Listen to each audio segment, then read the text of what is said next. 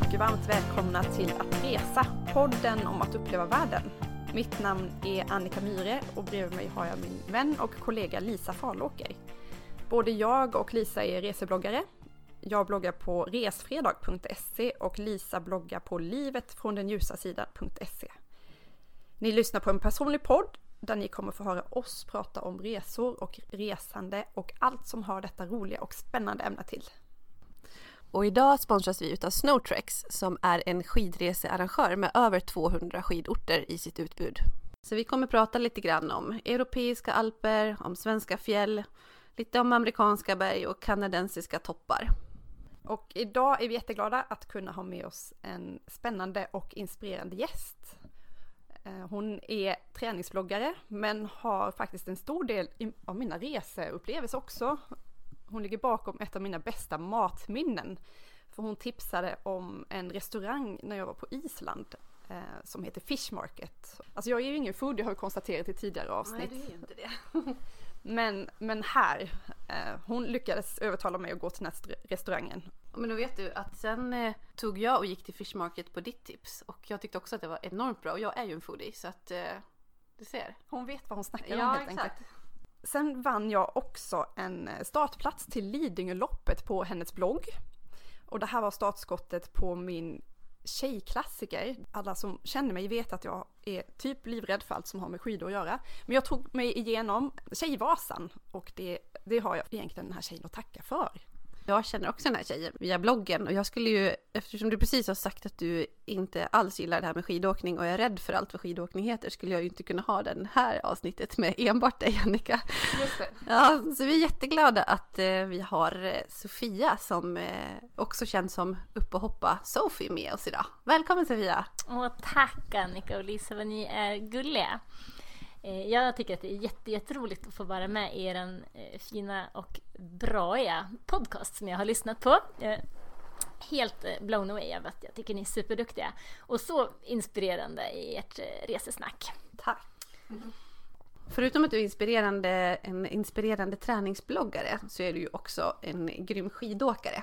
Så det är därför vi vill ha med dig idag, för vi vill verkligen inspirera till den här härliga känslan man kan få från skidåkning och framförallt resor till ställen där man åker skidor.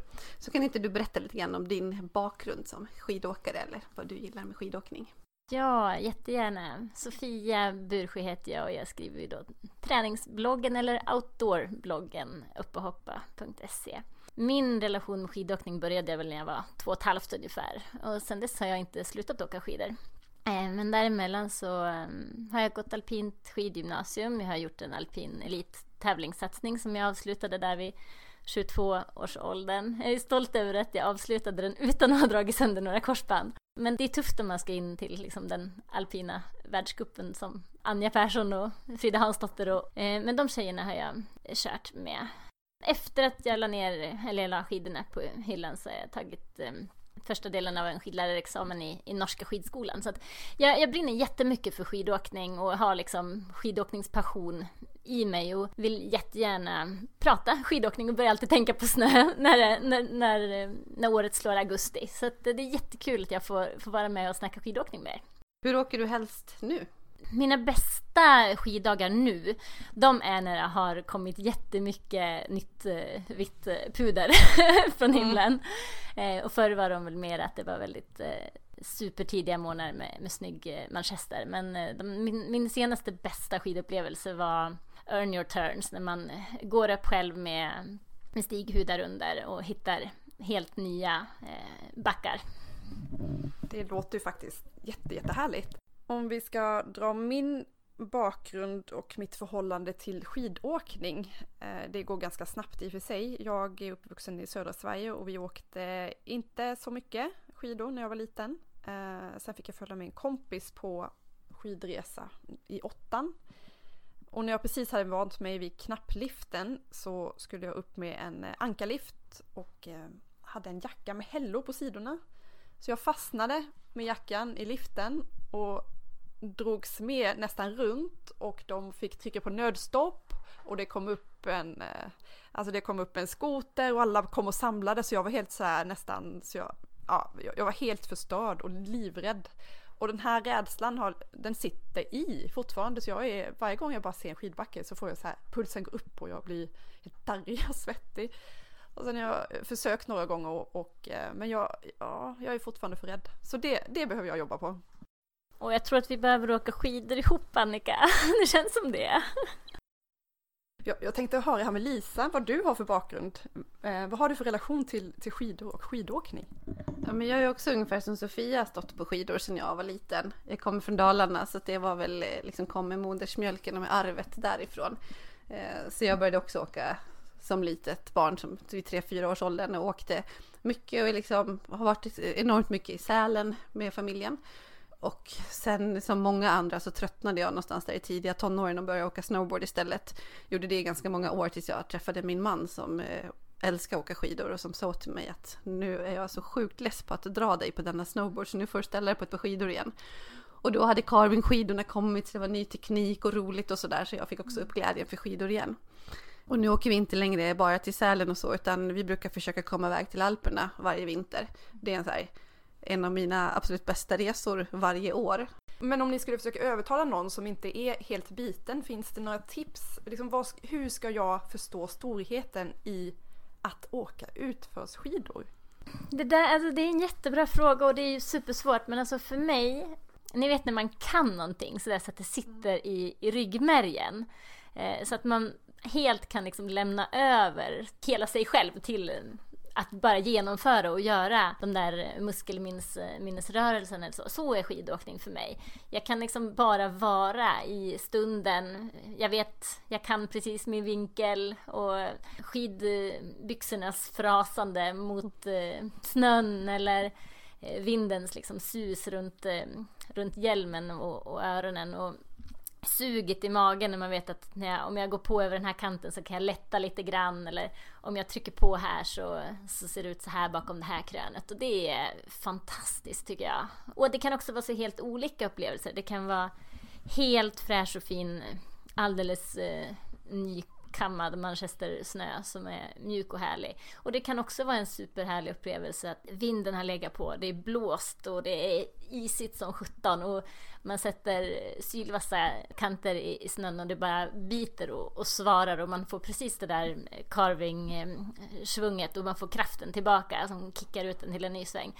Alltså det är de där grejerna och de är skitsvåra att förstå om man inte har varit med om dem och de är också ganska långt kanske till att, att uppnå men det finns ju också så som att man kan liksom sitta i en i en sittlift med en, en kompis som man inte träffar så ofta och bara prata om livet och vad som har hänt sen sist och ta in vidderna och fjällupplevelse och bara känna att här finns inga smartphones, här finns inget skvalande radioljud i bakgrunden.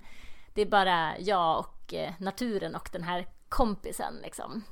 Ja, jag, jag börjar känna något slags sug när du berättar för det låter ju, det låter ju onekligen härligt. Ja, det där är ju svårt att inte gå igång på. Jag bara, åh jag vill också åka skidor.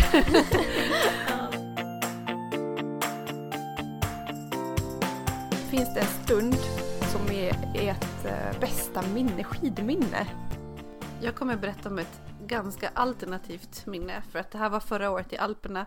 Vi hade haft otroliga dagar med Manchester med den här blå himlen och att ta in allt det vackra som man har där. Men en dag var det riktigt, riktigt dåligt väder. Eller dåligt, älskar man puder så var det väl hyfsat bra. Men det blir otroligt dålig sikt om det snöar mycket. Och det snöade jättemycket. Vi var ute och åkte off-pist och jag kände mig inte jättebekväm med det. Så att jag och några kompisar, vi höll oss lite mer i pisten som inte blir bra när det snöar sådär mycket. Och till slut så gav jag och en av mina allra bästa vänner, vi gav upp och gick in istället och tog en, eh, tog en liten fika på ett ställe där. Och så var vi nog redo att ge upp för dagen och gå ner till spat på hotellet istället. Men sen så sa min kompis till mig att bara, äh, men ska vi lära oss off pist en gång för alla, då är det nu. Ska vi inte ge oss ut? Vi tar den här närmaste backen, den här enkla. Och så bara kör vi där och så ser vi vad som händer. Och vi gick ut och vi kom in vårt lyckligaste jag två timmar senare. Vi hade haft så sjukt kul. Vi verkligen bara åkte i det här snömodden och vi struntade i precis hur vi såg ut och vad vi gjorde och vi lärde oss och vi testade och vi peppade varandra och vi fotade och vi låg och skrattade i en snöhög där. Och det med en av mina allra bästa kompisar. Det var, ja det är en av mina finaste minnen. Och inte alla de där otroliga carvingåken man har haft som har varit så bra utan jag minns glädjen och eh, den härliga stund vi hade tillsammans där. Åh, det låter fantastiskt. Ja, mitt allra bästa skidminne är från eh, min och min mans eh, bröllopsresa eh, som vi styrde till, till Whistler i Kanada som hade varit ett drömresmål för mig länge som hade varit på min bucketlist. Då valde vi att eh, förlägga vår bröllopsresa dit. Vi var där i eh, 12 dagar och det snöade sammanlagt 214 centimeter under de här, två, eller de här nästan två veckorna. Varje morgon vaknade vi av eh, att de bombade, alltså säkrade systemet då och, och bombade för, för nyfallen eh, snö. Och eh, och så tog bort lavinföraren och så stod det när man kom till livssystemet efter en härlig eh, frukost så stod det i princip så här 28 centimeters fresh pow, play safe.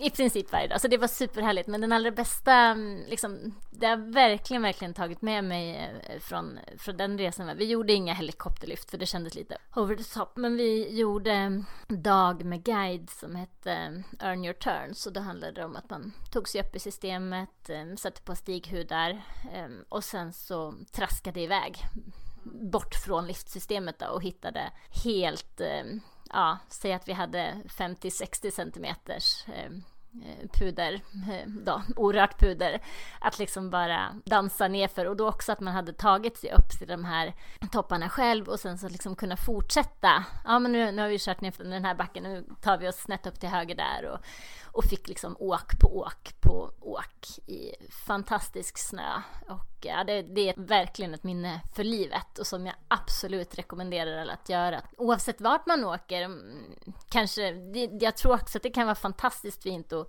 att ta guide och åka liksom eh, baksidan av Åreskutan. Jag tycker inte att man ska ge sig ut själv på de här grejerna. Inte om man inte har erfarenheten och kunskapen. Och även, jag har åkt supermycket skidor i mina dagar, men jag är ingen bergsguide och jag kan inte inte, känner inte att jag kan bedöma hur, om snön kommer sitta kvar på den här sluttningen eller inte. Så det skulle jag inte ge mig, ge mig ut på. Men däremot om man åker med erfarna bergsguider då kan man absolut få eh, fantastiska minnen för livet. Och man kan också få den, precis som du, i ett skidsystem när det snöar som 17. Mm. Eh, och nästan åka off-pist mellan backarna, liksom, att det kan vara verkligen en, en upplevelse det med. Och kännas väldigt tryggt och, och skönt. Men eh, jag tror bestämt att eh, något sånt där åk eller något lyft eller gå upp med en guide på en kam, det är seglet på min bucketlist. Mm. Ja, det, var... det är alltid bubblare där. Jag känner att det här bubblar liksom gränsar till eh, verkligen komma upp i en upplevelse som jag vill ha.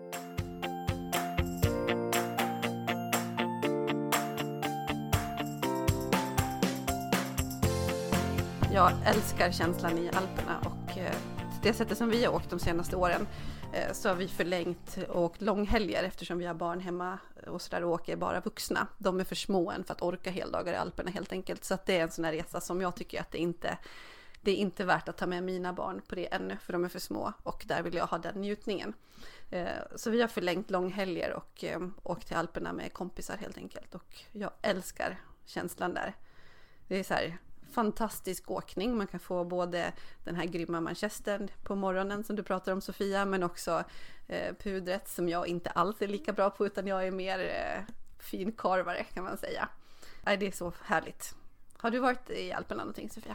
Ja, alltså det här är ju det är lite roligt. Vi, vi pratade om det innan vi, vi drog igång att um, Lisa har ju skickat uh, stolpar till mig med hela vart hon har varit i Alperna och jag sa det Lisa, du, slår, du slår ju mina alp, alpupplevelser. Ja, um, men så det har blivit lite så. Jag um, tävlade ju och, och Ja, men på, på nordisk eh, elitnivå. Jag får ju omkring i Sverige och Finland och, och Norge. Och sen pluggade jag och studerade och, och sen ja, hade man inte så himla mycket pengar några år. Och sen, ja, nu när man jobbar så är man igång igen. Och, och nu har jag småbarn så nu blir det svårare att, att, dra iväg till Alperna, precis som du beskriver. Men jag har, eh, jag har hunnit med att vara i eh, Sölden ett gäng gånger. Mm. både ja, under åren. Liksom. Det är, eftersom Sölden har en glaciär så åker man gärna dit på, hösta, på höstarna. Var ligger Sölden för någonstans? Sölden ligger i Österrike. Och, eh, jag har också varit i Bad Gastein ett par gånger och då kan man ju åka i, ja, i tre väldigt nära system som heter Bad Gastein, Sportgastein och Bad Hofgastein. Det är samma, samma dal. Och sen har jag varit i Cervinia och Zermatt. Men du Sofia, när du åker skidor nere i Alperna, var, varför åker du dit? Vad är det för känsla som du vill åt där nere? Åh, jag vill åt den här specifika känslan att man tar eh, skidorna på axeln och så går man till gondolen. Åker upp eh, kanske 2-2 500 eh, meter eller 100, tusen, tusen meter upp med gondolen och sen så tar liksom vidare upp i systemet, sittliftar och kommer liksom upp till en platå där man ser att är, man har ett helt liftsystem med massor med backar i olika väderstreck ofta. Att, eh, att uppleva och att utforska. Ehm, och att en bra dag och om det finns man är där på en, på en dag på säsongen när, när snön ligger ända ner till dalen så har man kanske en, en och en halv mils skidåkning ner tillbaks till byn om man vill liksom racea hela vägen. Och däremellan så finns det fantastiskt fina backrestauranger eller små solstugor. Så man kan liksom slå sig ner och ta en, ta en varm kopp choklad eller någon härlig österrikisk eh, pannkaksspecialitet på. Att liksom verkligen den typen av semester, den är, den är svår, svårslagen. Den, kan man, den är svårare att få eh, om man åker skidor i Sverige. Vad tycker du att det bästa är där du som är lite så här hardcore skidåkare och allmänt grym att ta dig ner för topparna liksom? Är det åkningen i sig eller är det maten eller är det att pausa efteråt?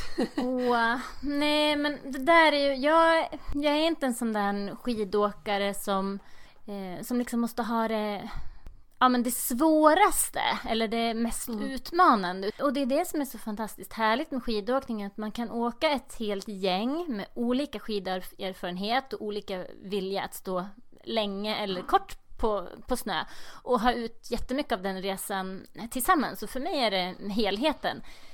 Eh, det jag brukar titta på vart man ska åka, att man kan titta på att det finns rätt så alltså åkning på rätt hög höjd för då blir det ju mm. ganska snösäkert. Mm. Eh, men annars så, menar allt som är, man tänker franska eller italienska alper eller österrikiska. Det finns ju backar för alla på alla de ställena och bra med tryck. Då är det snarare att man ska hitta ett ställe där man känner att här är det härligt, här finns det en inspirerande mm. miljö, god mat. Så att, Italien, ja, jag är ja. väldigt svag för Italien. Ja, ja, jag är också jättesvag för Italien av just samma anledningar. Men det är kul det där som du säger med att åka med personer som faktiskt är på lite olika nivå, för det funkar ju verkligen. Och när jag just tog mig tillbaka till skidåkningen efter att ha åkt snowboard i många år så hade jag svårt att hänga med ett annat par och min man som jag åkte iväg till Alperna med en av de första gångerna vi var iväg. Och jag vet att man kämpade på liksom, att så fort man kommer ikapp eller ner så är det dags att dra igen. Då har de andra vilat en liten stund och det var ganska jobbigt. Och efter ett par dagar, jag hade så här monsterträningsverk i låren och så här och så kom det en massa nysnö och de bara nu ska vi bara ut och pumpa puder. Och jag kände att nej, jag vet inte om jag orkar det här längre.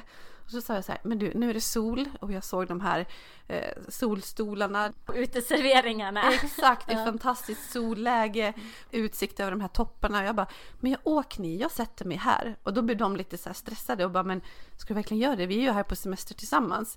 Och jag bara, jag sätter mig här och tar på mig mina solglasögon och nu har jag semester. Mm. Då hände det på något vis för mig medan de fortsatte åka. Nu var det här ganska många år sedan och nu har jag eh, helt andra saker som drar när jag åker till Alperna. Men det kan verkligen vara annat än bara åkningen i sig för inramningen i Alperna är helt, helt, helt fantastisk. Det är så sjukt vackert med dessa höga vitklädda berg tycker jag.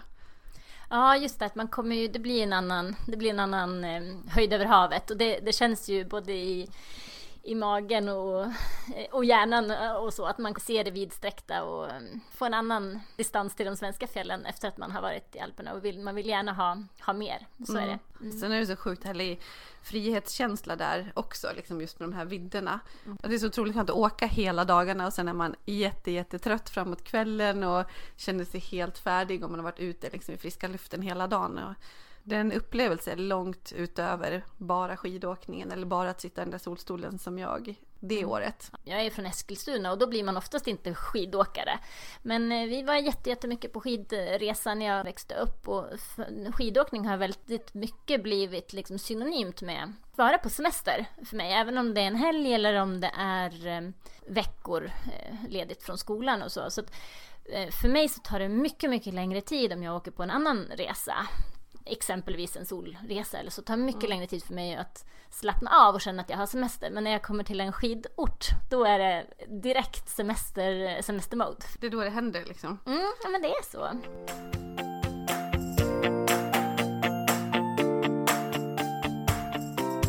Okej, om man pratar om att ta sig till Alperna då. Eh, har du några erfarenheter och tips kring det? Har du åkt på något eh, billigt sätt till exempel?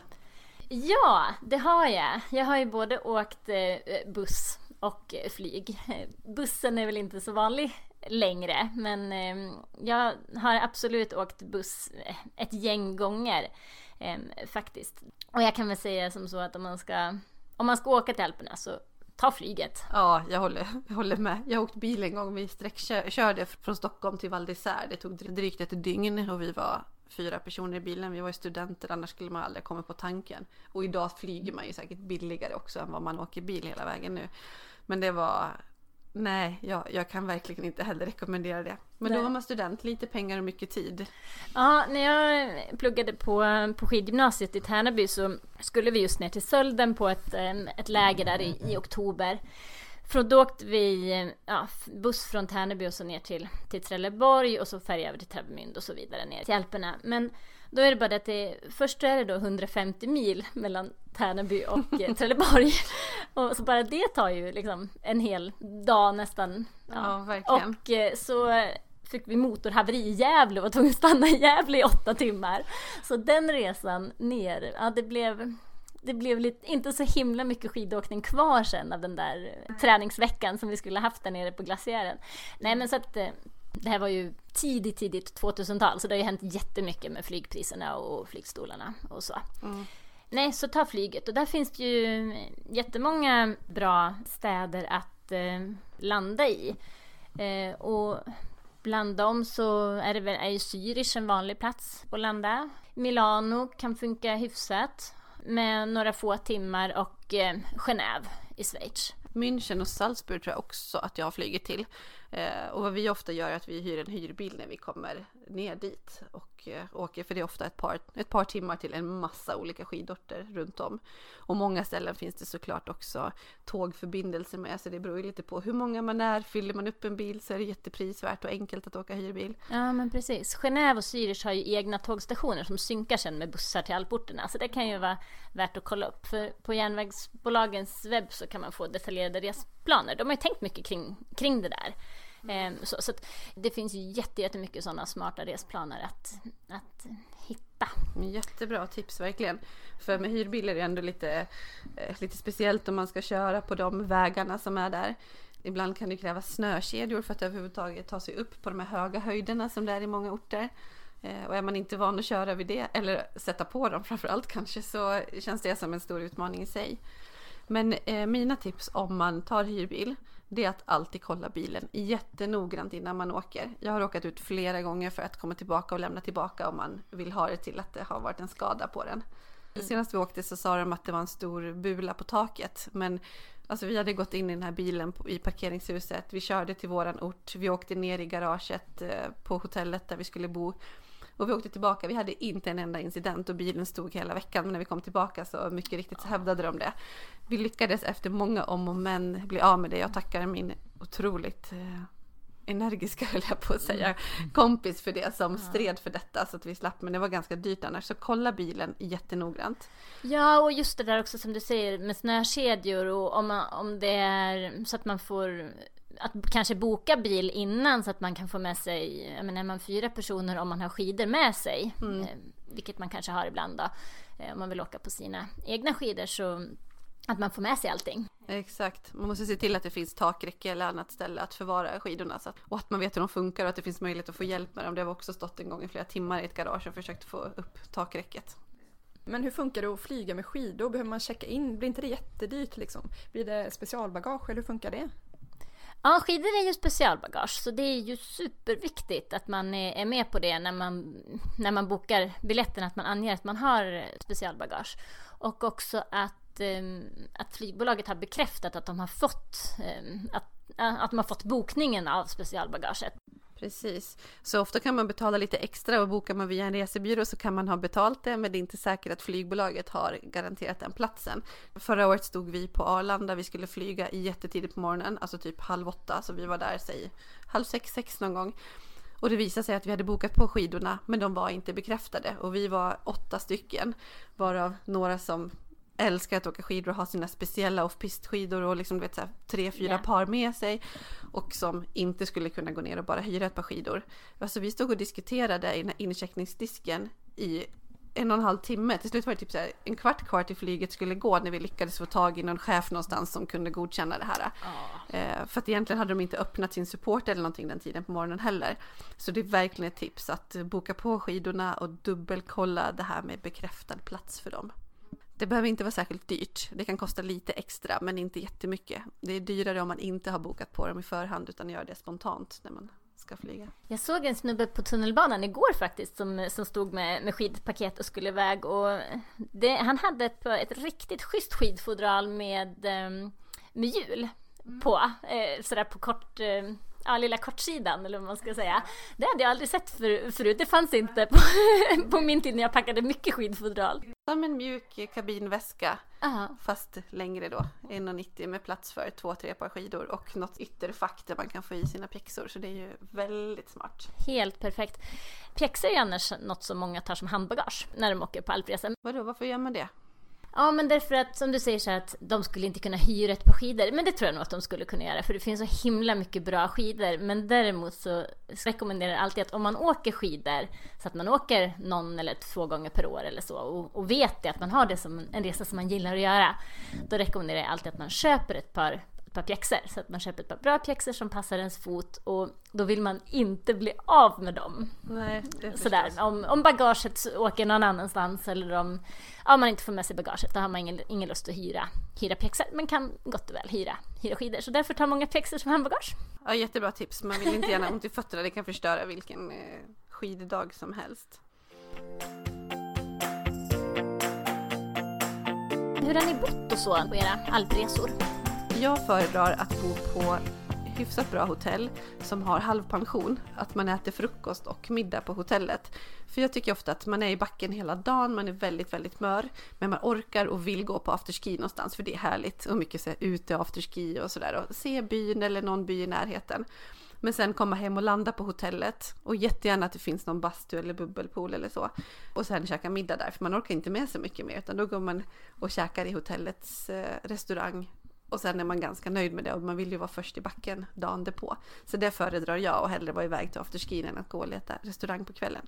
Mm, Jag håller helt med faktiskt. Jag har också varit sådär att för mig så är det, när man åker på skidresa så är det liksom skidåkningen man reser för och till. Mm. Och eh, då är det supersmidigt att det finns en frukost på hotellet och många, mm, även om liksom på europeiska hotell är duktiga på att liksom få till en ordentlig skidåkar, skidåkarfrukost. Det är inte bara fralla med Nutella.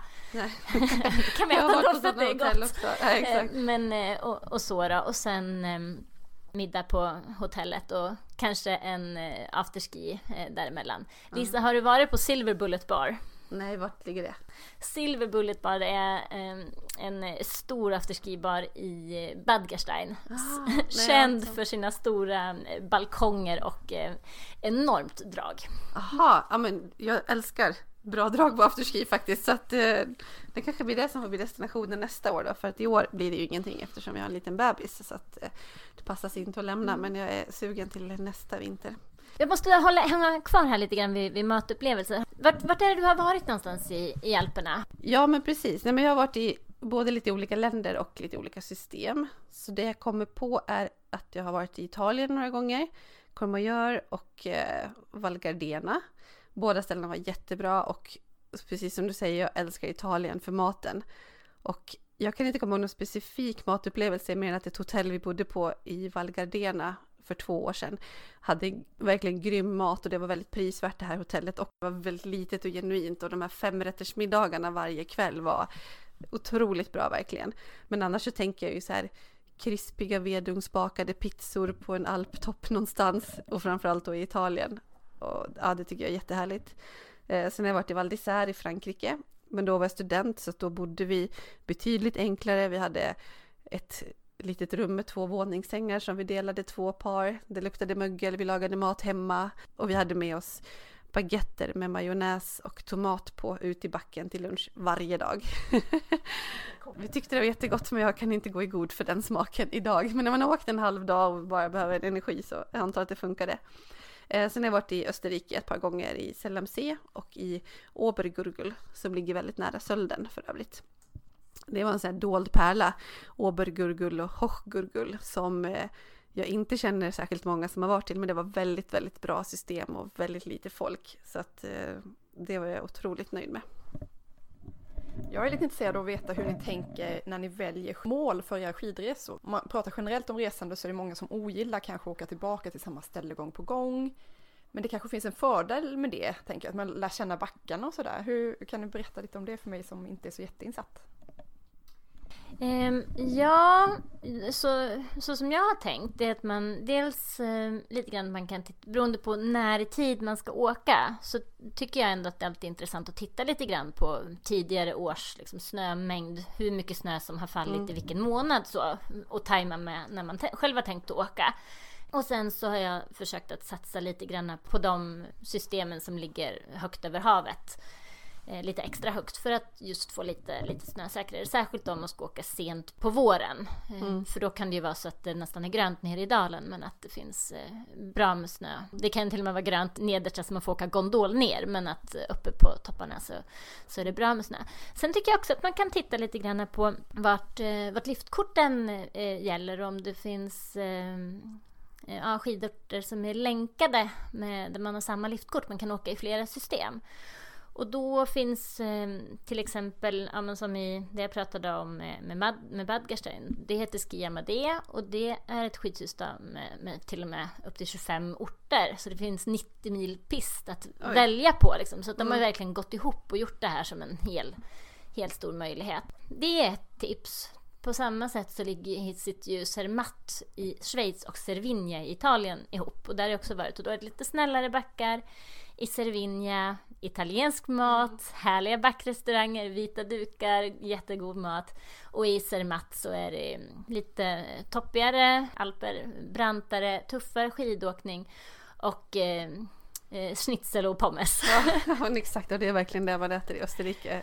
Oh, de där schnitzlarna. Ja. Och Courmayeur ligger till exempel 20 minuters eh, tunnelbil från Chamonix. Men då har jag för mig att man behöver köpa två liftkort. Men det kan ju vara, sånt tycker jag kan vara intressant att titta på eh, när man åker. Om man inte åker så himla ofta och man gör en, en skidresa om året och man ska ha bestämt sig att man ska, ska ner till Alper så kan man kika på att göra en sån kombinationsgrej.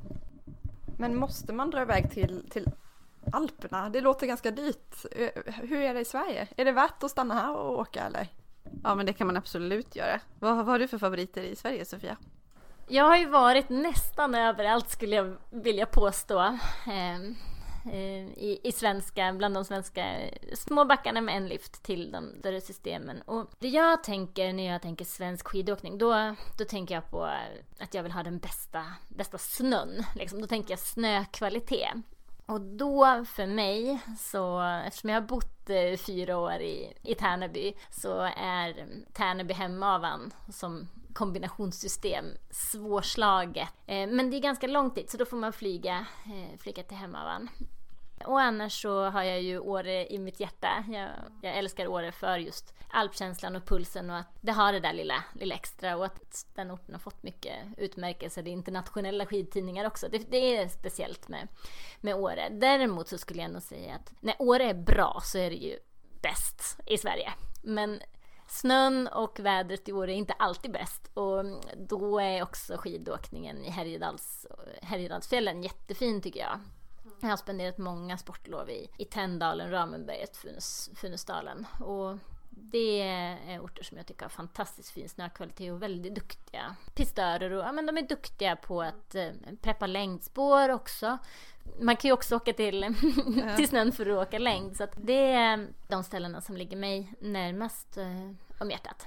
Finns det något ställe som det är mer eller mindre folk på? Finns det något att säga om det? För Åre känns ändå som till exempel att det är väldigt populärt att åka dit. Jag förstår det. Jag tycker också att Åre är helt fantastiskt och så mysig by, liksom, eller hela samhället är så mysigt och man kan få det lilla extra. Men det är också mycket folk. Har du en uppfattning om det på de här? Ja, alltså det där skulle jag säga är en vanlig missuppfattning. Förra året så var jag i Åre sju, sju veckor under, under våren, från vecka åtta till ja, vad, vad blir det då, vecka 15 någonting så, där någonstans. Mm. Och eh, den enda veckan som det var riktigt, riktigt mycket folk, alltså så att jag kände att det var för mycket folk, det var vecka 9. De andra mm. veckorna var ju toppen. Det är en mm. enorm skillnad på att vara i Åre vecka 9 eller vara där vecka 10 eller 11. Och på alla, skulle jag vilja säga, svenska skidorter så är det ju jättelite folk vecka 2 till vecka 6, där någonstans. Så har man möjligheten att um, att inte åka när det är eh, skollov, för det är då det trycker på liksom, att det är då det blir köer i systemet och svenska skidköer är ju någon slags katastrof. Man har inte lyckats eh, lösa svenska, svenska eh, kösystem som man gör på, på andra platser.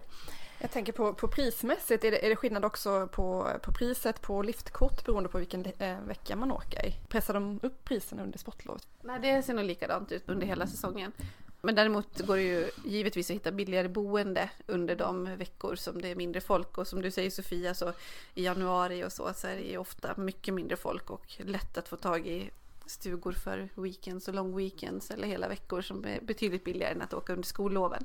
Absolut. Själv är jag ju uppvuxen i Dalarna som jag sa, så att eh, Sälen, fjällen ligger ju nära till hands för mig. Jag säger inte att det är bäst i Sverige, för det tycker jag inte, men det är där jag känner mig väldigt hemma.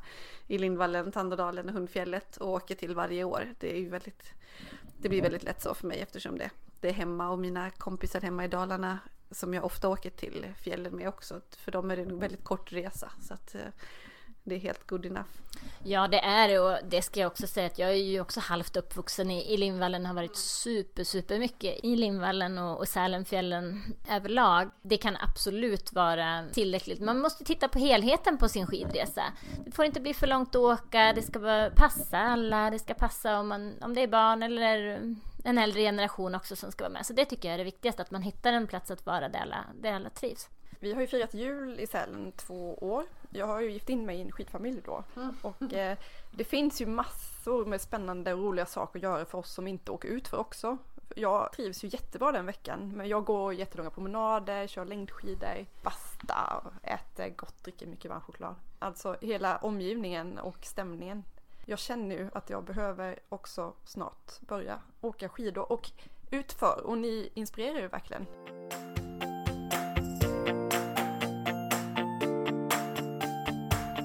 Men om du åker skidor i Sverige, hur ser en vanlig dag ut? Ja, för mig är ju en vanlig skiddag, har ju det blivit de senaste åren, att jag, att jag är i Åre. Och, eh, eh, för mig är det inte egentligen, alltså jag har åkt så himla mycket skidor så för mig är det viktigare att försöka skapa bra och härliga skidminnen med de som jag är med än nödvändigtvis att jag ska få de bästa skidsvängarna just den där dagen. För jag har, jag har gjort så många tusentals skidsvängar så att jag är mer passionerad av att jag vill att alla andra ska få en bra skidupplevelse. Men eh, om det är sol och fint då tar jag jättegärna 1000 meters liften. Eh, eller 1000 metern och eh, eh att ta sig upp i högzon i Åre om solen skiner och det är en sen marsdag. Det är liksom en fantastisk eh, en fantastisk upplevelse. Men jag tycker också att det är härligt att eh, att svänga med, med, med, barnen och se utveckling i, på väg till carvingsväng på en fyraåring i, i backarna i, i björnen. Så det beror lite på vad, vad jag har för, för sällskap. Och det är också ett tips kan jag tänka att om man åker skidor och man är ett gäng, att försöka se till att alla kan få skidåkningen på, på sin nivå. Och att om man tänker att man ska åka carvingskidor, då får man inte kanske till de allra bästa carvingsvängarna i nödvändigtvis i de svarta backarna utan det fungerar absolut. De bästa carvingbackarna backarna är kanske en röd eller en blå backe. Så. Det finns ju många ställen att åka till längre bort som eh, har enorma snömängder och prata om typ Japan har jag vänner som nyligen har varit i som också har de här jättedumparna. Och sen finns det ju flera ställen i USA som är jättepopulära men det blir mer pricey och eh, det finns ju andra nackdelar med tidsomställningar och väldigt, väldigt lång resa. Ja, det jag skulle säga är att om man tänker sig att um, man har åkt skidor och man har åkt skidor, mycket skidor i svenska fjäll och man har åkt lite grann i, i Alperna och just den här om man tänker trappsteget mellan att åka i Sverige och sen att åka i Alperna. Mm, det känns och det, det är rätt stor skillnad liksom. Det, det upplever man när man är på plats. Den känslan liksom, det upplevde jag var ett, ett till trappsteg när vi var i när vi var i Kanada, när vi var i, när vi var i Whistler. Att det är liksom en till nivå av vidsträckthet, av natur, av, um, orörd eh, möjlig terräng. Liksom, så. Särskilt också, men tänk, tittar man på hur, hur priserna ser ut. Det är ju det att man ska ha loss lite mer tid som du är inne på Lisa. För att mm. annars tänker jag att om man kan åka till Alperna för 16 000 och till, till Kanada för 22 så vet jag vad jag väljer i framtiden. Mm, ja, jag förstår precis hur du menar. De där långa resorna tror jag inte vi hinner gå in på i detalj idag så det får vi återkomma till kanske något annat avsnitt då och se om man får förverkliga den drömmen någon dag. Annars så finns det ställen ännu närmare. Jag tror att jag blir, jag får en utvisning utav mina vänner och min familj, om inte jag nämner Romme Alpin i Bålänge där jag kommer ifrån, som vi åker till var och varannan helg under vintern. Och det är jättehärlig åkning det också faktiskt, Absolut. både för oss vuxna och barn. Så att eh, ja, man kan resa nära också som vi brukar prata om Annika, ja. eller hur? Och två timmar bort från Stockholm ligger Kungsberget till exempel. Och det finns Exakt. ju för de som bor i Värmland så finns det ju Branäs eller Sunne. Och, alltså det finns Hammarbybacken. Ja. Absolut. Och, och Hästra och Isaberg i söderöver. Så det, ja. finns, eh, det finns skidåkning för alla. Nu får jag möjligtvis bannor igen för Hästra och Isaberg borde jag säga som är gift med en man som kommer från Hästra och som är så här Ja, du vet, jag tror att vi har nog aldrig varit så nära fight som en gång när jag kom med handskar utav ett annat märke. som alltså, man inte gör. Och man har inte en podd om skidåkning utan att nämna Isaberg i Hästra. Fantastiskt system. Nej, det är bra faktiskt för att vara på dem eh, i den delen av Sverige. Så det är ju dit som danskarna och alla från södra Sverige åker och det finns jättebra anledning till det. Det är ett modernt och bra system, helt klart. Ja, och från Hästra tillbaka till Alperna.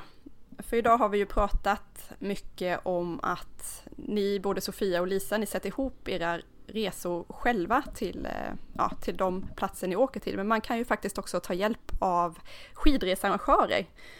Och idag så vill vi tipsa lite extra om vår samarbetspartner som heter Snowtrex och de har funnits i Sverige sedan 2008. Och det är en stor arrangör. Förra säsongen så var det ungefär 100 000 skidgäster från hela Europa som bokade resor via det här företaget. Och att åka med en arrangör kan ju göra att det faktiskt både blir billigare och mycket enklare. Man slipper det här med att sitta och försöka sy ihop sin egen resa utan att man får hjälp med det, utan någon som faktiskt kan många skidorter och kan ge rekommendationer. Och de har i sitt utbud så är det många av de här svenskklassikerna och som vi har pratat om som Sölden och Bad Gastein och italienska orter. Men de har även mycket i hela Europa och de pratar också mycket om franska alperna som vi faktiskt inte har berört så jättemycket i det här programmet. Vi har ju pratat om Val d'Isère och det finns ju andra klassiska ställen som Chamonix och Val Thorens. Men det finns också många oupptäckta pärlor där priserna ligger mycket lägre än vad många tror. Ett exempel är barnvänliga Chamros. Och det var faktiskt där som OS arrangerades 1968. Och det, det går jag igång lite på att susa ner för en OS-backe. Jag vet inte hur det skulle se ut om jag gjorde det men... Eh, Kanske där du gör din comeback Annika? ja. Där erbjuder de faktiskt lägenhetsboende inklusive liftkort för under 1000 kronor per person så att eh, ja, det är riktigt bra pris. Mm, och som Sofia pratade om att man, man kan ta med sig sina egna pjäxor, men vill man inte släppa med på skidorna så kan man här genom Snowtrex då faktiskt förboka skidhyran och få väldigt mycket billigare än om man bokar skidorna på plats. Så det vill vi också tipsa om. Så in och kolla in det. Och det är ju faktiskt så att det här poddavsnittet sänds i början på februari och det finns mycket skidsäsong kvar både i Alperna och i svenska fjällen och då finns till exempel Idre fjäll i Snowtreks utbud. Mm. Så spontanresan efter att man har känt inspirationen i det här avsnittet. Ja, går vi via Snowtrex och deras hemsida är snowtrex.se.